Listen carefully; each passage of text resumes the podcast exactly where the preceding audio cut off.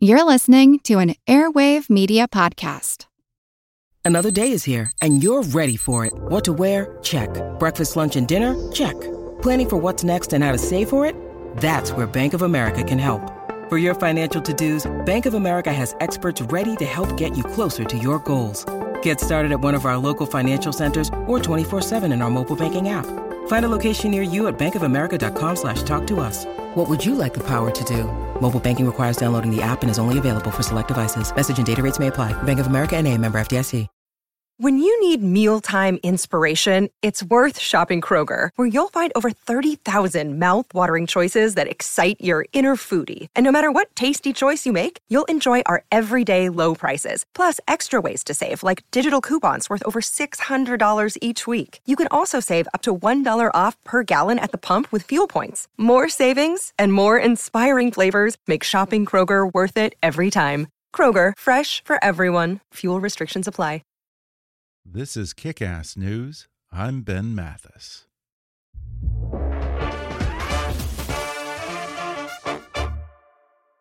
As the world goes into lockdown amid the COVID 19 pandemic, one prominent American has been stuck in quarantine at the epicenter of the European crisis in Italy.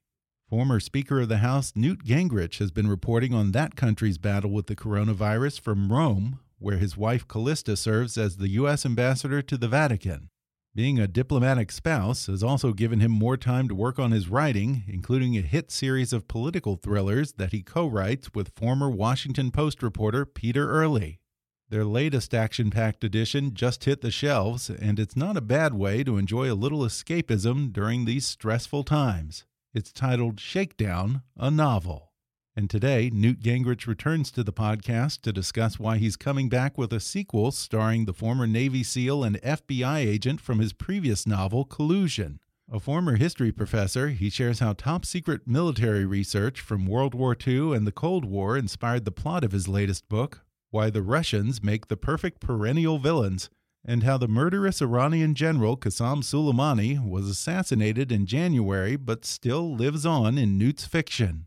He gives a full account of the conditions in Italy amid that country's ongoing coronavirus nightmare, some lessons that Americans can learn from Italy's early failure to stop the spread, and South Korea's successful containment of the virus, and his own theory on how COVID 19 made its way from China to Milan. He also talks about how the pandemic will affect U.S. China relations, how he hopes it could lead to regime change in Iran, and how to best address the economic impact here at home. Coming up with former Speaker of the House Newt Gingrich in just a moment.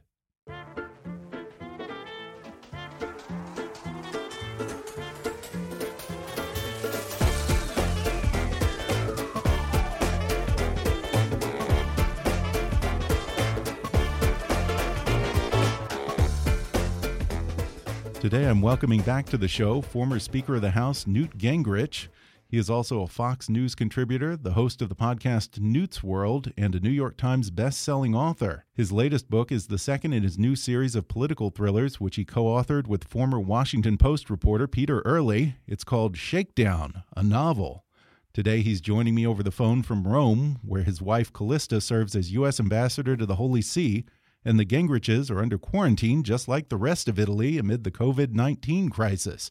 Newt, welcome back to the show, and how you holding up under the circumstances? Well, I think we're doing pretty well. We're having to really be careful. Uh, Callista led the embassy in a series of real changes, and they're now all, literally every one of them working from home. The I'm working from home. The uh, system here uh, has closed everything except re- except uh, grocery stores, pharmacies, and gas stations. You can be fined up to eight thousand dollars if you're on the street without a good reason. So they're really being very tough about getting people to stay home. Um, they, the the virus got so out of control here that they really, really had to uh, get deeply involved. Uh, and I think uh, that it is really important uh, that, that we recognize that in a place, for example, like New York, you have to go to very, very strong controls, mm-hmm. um, and and otherwise it can get out of control. Now, I, we, our hope is that they're about to turn the corner here. Other other places have done a better job, frankly. But the, but when the Italians realized how big the problem was, they did rise to the occasion, and uh, I think that it has been impressive. Frankly, it's been impressive how much the Italian people have responded and accepted that it's a uh, you know it's a real problem. Yeah, because the Italian culture, you know, kind of tends to take most things in stride. So I can't imagine that this is the sort of thing that comes naturally to them. But I think that I read that over the past two or three days, they've actually started to report fewer new infections. Yeah, well, we've, we've had a slowdown in new infections. I've, I haven't heard the numbers for today yet. They come out about uh, just about now, actually. But yeah. uh, there's some hope that the, the number who are dying is going to keep going up because the fact is that's a lagging indicator. That tells you how many people got sick right. ten days or two weeks ago. But uh, but it is a it was, people were moderately encouraged. It was still going up, but it was starting to go up slower. And Italy has been the hardest hit country in Europe, and yet at first, as you sort of alluded to, they were a little slow to take aggressive measures needed to flatten that curve. What do you think the U.S. can learn from Italy's initial mistakes? Well, there's an interesting contrast in that uh, the Italians, partly out of political correctness, were very slow because there are about 100,000 um, Chinese who live in northern Italy. Uh, when the Chinese bought the Italian uh, high-end brands of purses and shoes and what have you, mm-hmm. they wanted to be able to continue to say "made in Italy," so they just moved the workers to Italy, and as a result, early on, the government didn't want to close the trips to Wuhan. Wuhan was a major center of, of uh, providing uh, the workers. And so they, they had a much deeper entrenched problem in the early days. And a lot of it was in small villages, and it didn't sort of leap up and scare them. And then finally, they began to realize that this is this is really huge and it's really dangerous. And since then, things have gotten substantially better but they're playing catch up, uh, which which of course gives them a real challenge. Mm-hmm. Yeah, I was wondering how COVID 19 got from Wuhan to Italy because it's the off season. So I can't imagine there are a lot of tourists visiting this time of year. So you think that it was no, actually were, well, industrial travel? Well, there were a lot of tourists anyway. No. Oh, really? there were a lot of tourists, but they weren't the primary reason. Okay. And of course, Italy recently became the first G7 nation to join China's Belt and Road Initiative. You think there's a little bit of a cautionary right. tale there? Well, I think I don't think in terms of, of the virus, but there's a mm-hmm. big cautionary tale in terms of what's happening with China and the fact that it is a dictatorship. Mm-hmm. Uh, it's very anti-American, and uh, I think we should be very concerned. The the um, part of what's happened is that the Chinese have signed contracts to run the port of Genoa, which is the biggest port in Italy, mm-hmm. and to run the port of Trieste, which is the entryway to Austria and South Germany. So you know, in the old days, if this was the Cold War and the Soviets had done that, we would have been going crazy. Oh yeah. And I think we're we're sort of numb to it.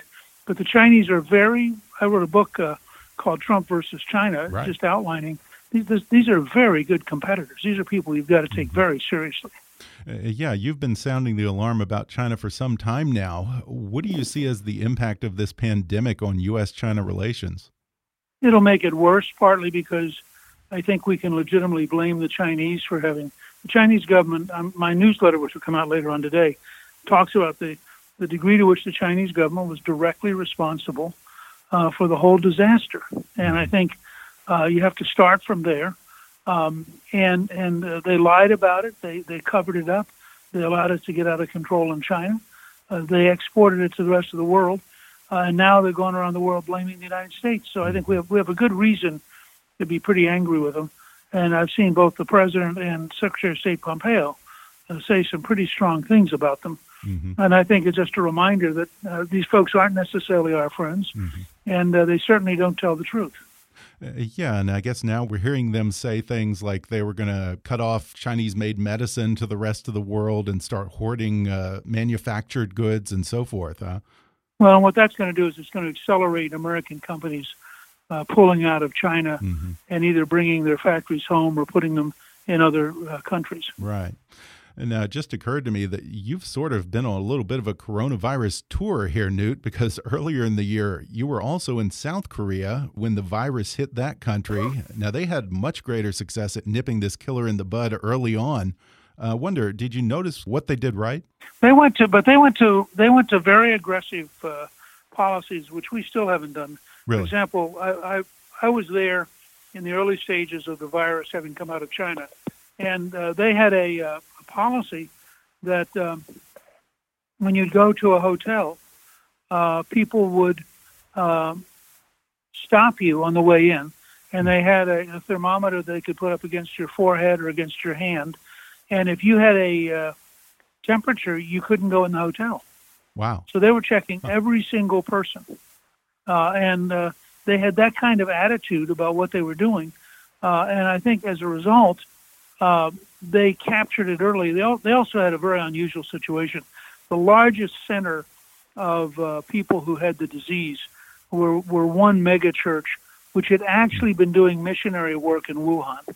Oh, and it had like four or five hundred members who had come down with the virus uh, because of the mission work they had done. So they could identify that center, and by focusing on it, they could uh, isolate it and, and not spread from there. And, and so they were pretty direct and pretty tough about not letting people go off and do other things. It said, uh, you know, no, you're not. You're, you know, you've been you've been infected with the virus, and you're not going to do that.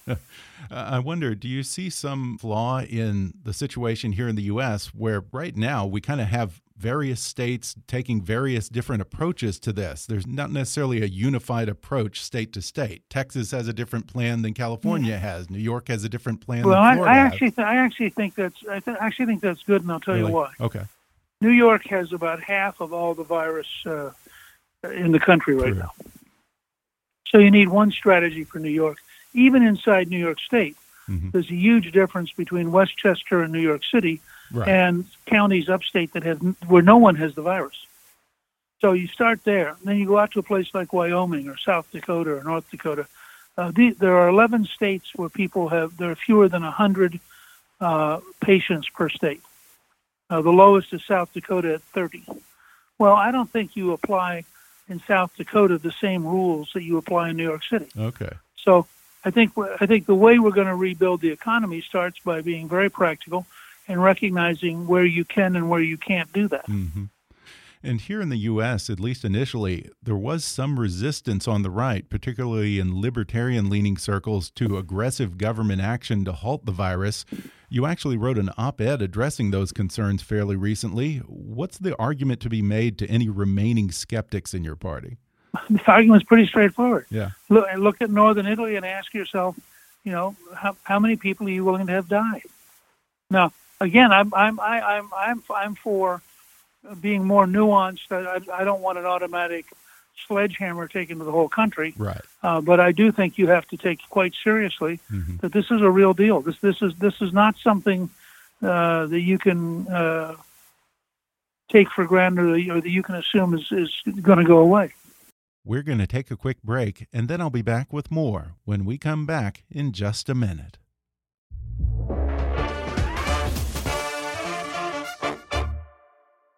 Folks, these are difficult times for all of us. With the coronavirus and its devastating economic impact, many Americans are finding it harder than ever to make ends meet and quickly going through whatever rainy day funds they might have saved up.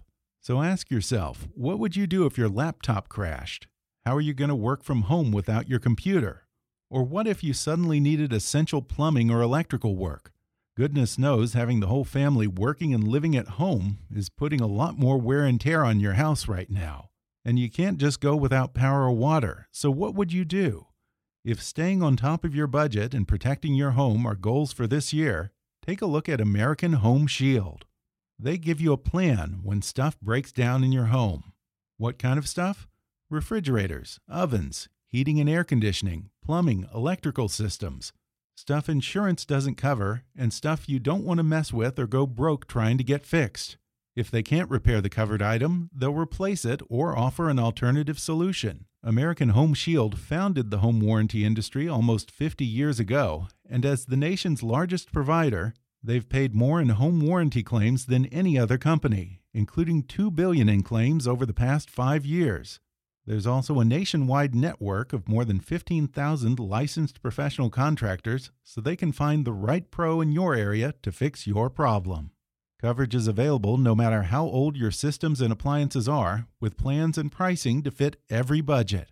In these uncertain times, do yourself and your family a favor and buy yourself a little peace of mind. Go to ahs.com/kick today to save $50 and start protecting your home and budget from inevitable breakdowns. ahs.com/kick. That's ahs.com/kick for $50 off any plan. American Home Shield. Be sure with Shield. Limitations and exclusions apply. See plan for details. How do you feel about this idea? I think it passed in Congress today of giving Americans a $2,000 handout from the federal government. Doesn't that kind of go against everything conservatives believe in? And do you see that there is a danger that could set a precedent? Yeah, yeah. Nor- normally, it would. Normally, I would say it would. Mm -hmm. But I would also say that the scale of what we're up against uh, you you have got to find a way to make this transition work. Mm-hmm. This is this is a wartime. You have to think of this as a war. Yeah. You have to say what what would we do in a real war, uh, and and you've got to help people get across who who, who aren't haven't done anything wrong. They're just sure. they're trapped in a uh, a real war. Mm-hmm.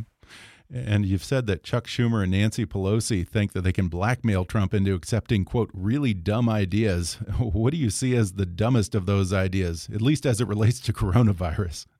Well, I look, I, I think what, what Pelosi did, and I think it was a big mistake on her part, uh, is she went out and she decided this was a moment to blackmail the president and blackmail the country. Mm. Um, and so she came in with every wish list that the Democrats in the House had ever come up with. So every radical, goofy idea they could think of uh, was on her wish list. And I think that's what happened. Are there any other kind of actions that you would like to see Congress enact to combat coronavirus and also the economic fallout of this pandemic? No, I, I would say for the moment, what I would encourage them to do is, is to take a deep breath and let's see. They've now passed three very large bills. Mm -hmm. Let's see how they work. Okay. That'd be my advice. Well, before we get to the book, Iran has also been hard hit by coronavirus. And the other day, you put out a tweet wondering if this might be the thing that actually leads to regime change in that country. How would you see that potentially playing out? Well, I think I think uh, for two very different reasons. I think one because the uh, people are getting sick and tired of the government not succeeding. The, mm -hmm. the economy is getting worse and worse. Some of that's because of our sanctions. Some of it's because of the price of oil, but the net effect of it is really bad. Mm-hmm. Uh, and part of it is that uh, the uh, I think the, the, the the leadership of that country is much older, mm-hmm. and as a result, uh, I think that uh, we have to con- you know face the reality that. Um, they may they may be replaced just because the virus kills them. I mean, they, yeah. they've had a number oh, of senior yeah. people uh, who've been killed the mullahs there aren't exactly uh, spring chickens, I guess. That's right. well, Iran plays a big role in your latest work of fiction, Shakedown, a novel. Uh, as with your previous books, it's sort of fun to speculate on which real life politicians, world leaders, and villains inspired the characters in your book. In Shakedown, there's an Iranian general who I think bears some resemblance to the recently assassinated head of Iran's Quds forces, General Soleimani. Was that who you had in mind? Exactly. In fact, we wrote the book when he was still alive. Oh yeah. so we sort of regretted losing him. Uh, but uh, and I think anybody who reads the book will get a real sense of uh, why he was so dangerous, why he was so charismatic, mm-hmm. and what a huge problem it was. Yeah. Uh, and I think that uh, you know we we uh, are faced with a very interesting effort to to figure out who's going to replace him because I think he left a pretty big vacuum in in their system. But um, what we basically did is we took historic reality. In World War II, the United States explored whether or not you could set off explosions underwater and create a tsunami or a tidal wave with the idea of hitting Japan with it. And then in the uh, Cold War, the uh, uh, the American, uh, the Soviets rather, explored um, whether or not you could do that with a nuclear weapon. So we took that concept and we had a Russian billionaire who was able to get access to an old Russian submarine, and we had the, the Soleimani character who was able to get access to an Iranian nuclear weapon, and they're going to try to bring it off of the coast and use it to wipe out Baltimore and Washington. and we thought that had certain sort of a uh, fascinating uh, potential. So that, that that was the story, and uh, we have our two heroes who had appeared originally in, in uh, an earlier book called Collusion, where the Russians are uh, trying to uh, poison the entire U.S. Senate, and Brett Garrett is a Navy SEAL who's very human. Uh, he was shot down over Africa and uh, was significantly burned. Ended up with an opioid addiction, which he's struggling with through the book and trying. And it's really very realistic, very modern. And uh, at the same time, he's working uh, uh, with Valerie, who is actually an FBI agent, and uh, the two Valerie Mayberry, and the two of them are trying to stop this, even though the bureaucracy doesn't believe it's real. Yeah, and here you have a CIA director who is actually skeptical of a plot by Iran that involves a nuclear weapon. Is there a little bit of an implicit warning there about underestimating Iran's nuclear capabilities in real life? Yeah, I mean, I've, I've always believed that the that the Iranians are very dangerous. Uh, they openly, you know, the, the when when the the Iranian parliament met after Obama sent them a billion dollars in cash uh, at their opening meeting they were chanting death to America. Now, wow. you know, their equivalent of their Congress is chanting death to America. I didn't take that as a positive sign. yeah. yeah. And of course, as you mentioned, the Russians are back in this second novel. Uh, it's just funny how, whenever there's a crisis, you can always bet on Russia to somehow be involved. They're just the perennial global right. agitator, aren't they? Yeah. But we may, in our next novel, we may shift gears and have the Chinese involved. So you never can tell. Oh. Uh-huh, yeah. But I think for people for people who are tired of worrying about the virus and tired mm. of worrying about politics, I think that they will find that uh, Shakedown is a, is a pretty good story and uh, a lot of fun, and will uh, keep them thinking about something more yeah. that's different than the usual stuff. Uh, yeah, Lord knows that we need a little escapism right now. Is this your first time writing a sequel? No, I, I did a series on uh, the Civil War years ago. Okay. Uh, that was a lot of fun. And uh, we earlier did uh, a series uh, about the Middle East. Uh, Peter and I wrote three books on uh, on an American fighting against the bad guys in the Middle East. I, I like sequels because you can build a character and people can start getting interested in, in that person.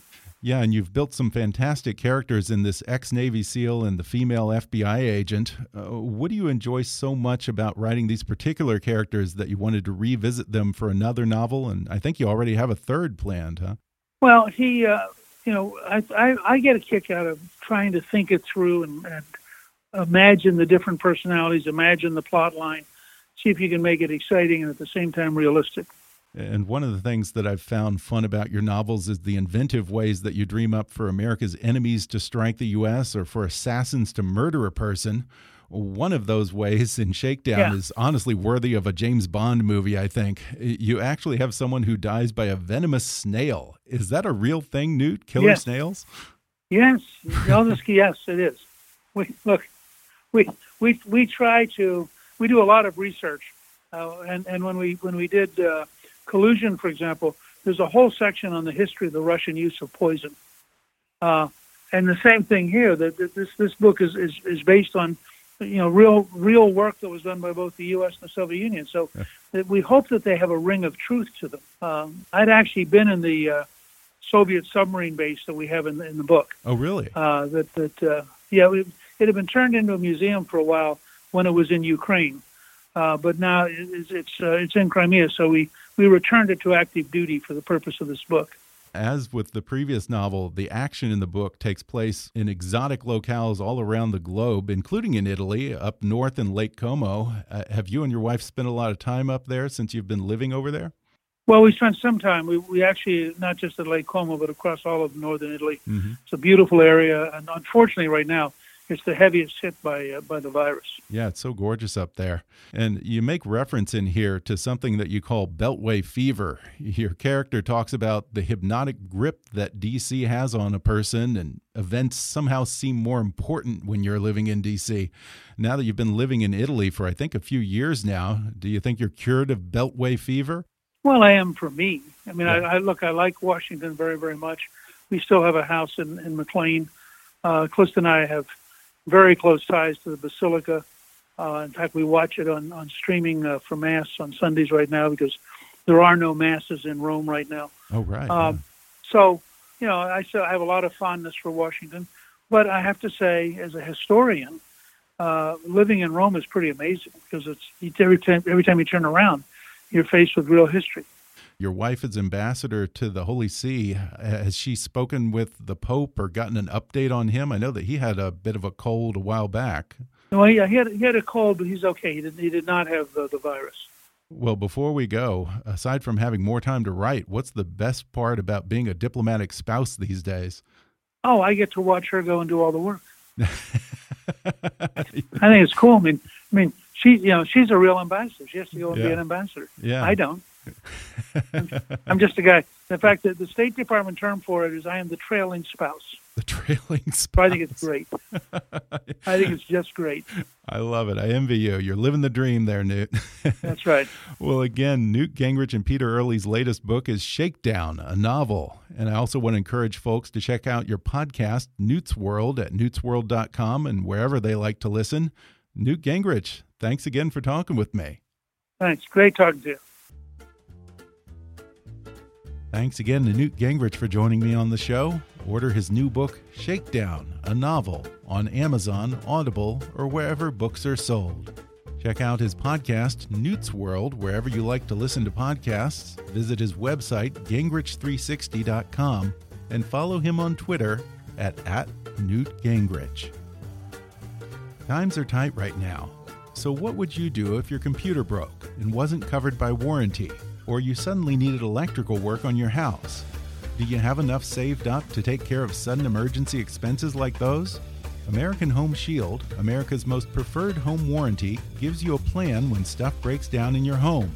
Stuff insurance doesn't cover, and stuff you don't want to mess with or go broke trying to get fixed. Go to ahs.com slash kick today to save $50 and start protecting your home and budget from inevitable breakdowns. That's ahs.com slash kick for $50 off any plan. American Home Shield. Be sure with Shield.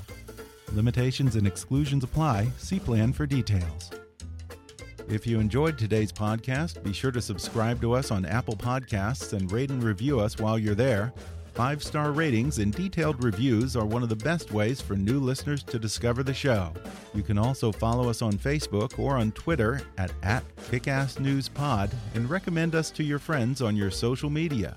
For more fun stuff, visit kickassnews.com, and I welcome your comments, questions, and suggestions at comments at kickassnews.com. For now, I'm Ben Mathis, and thanks for listening to Kickass News.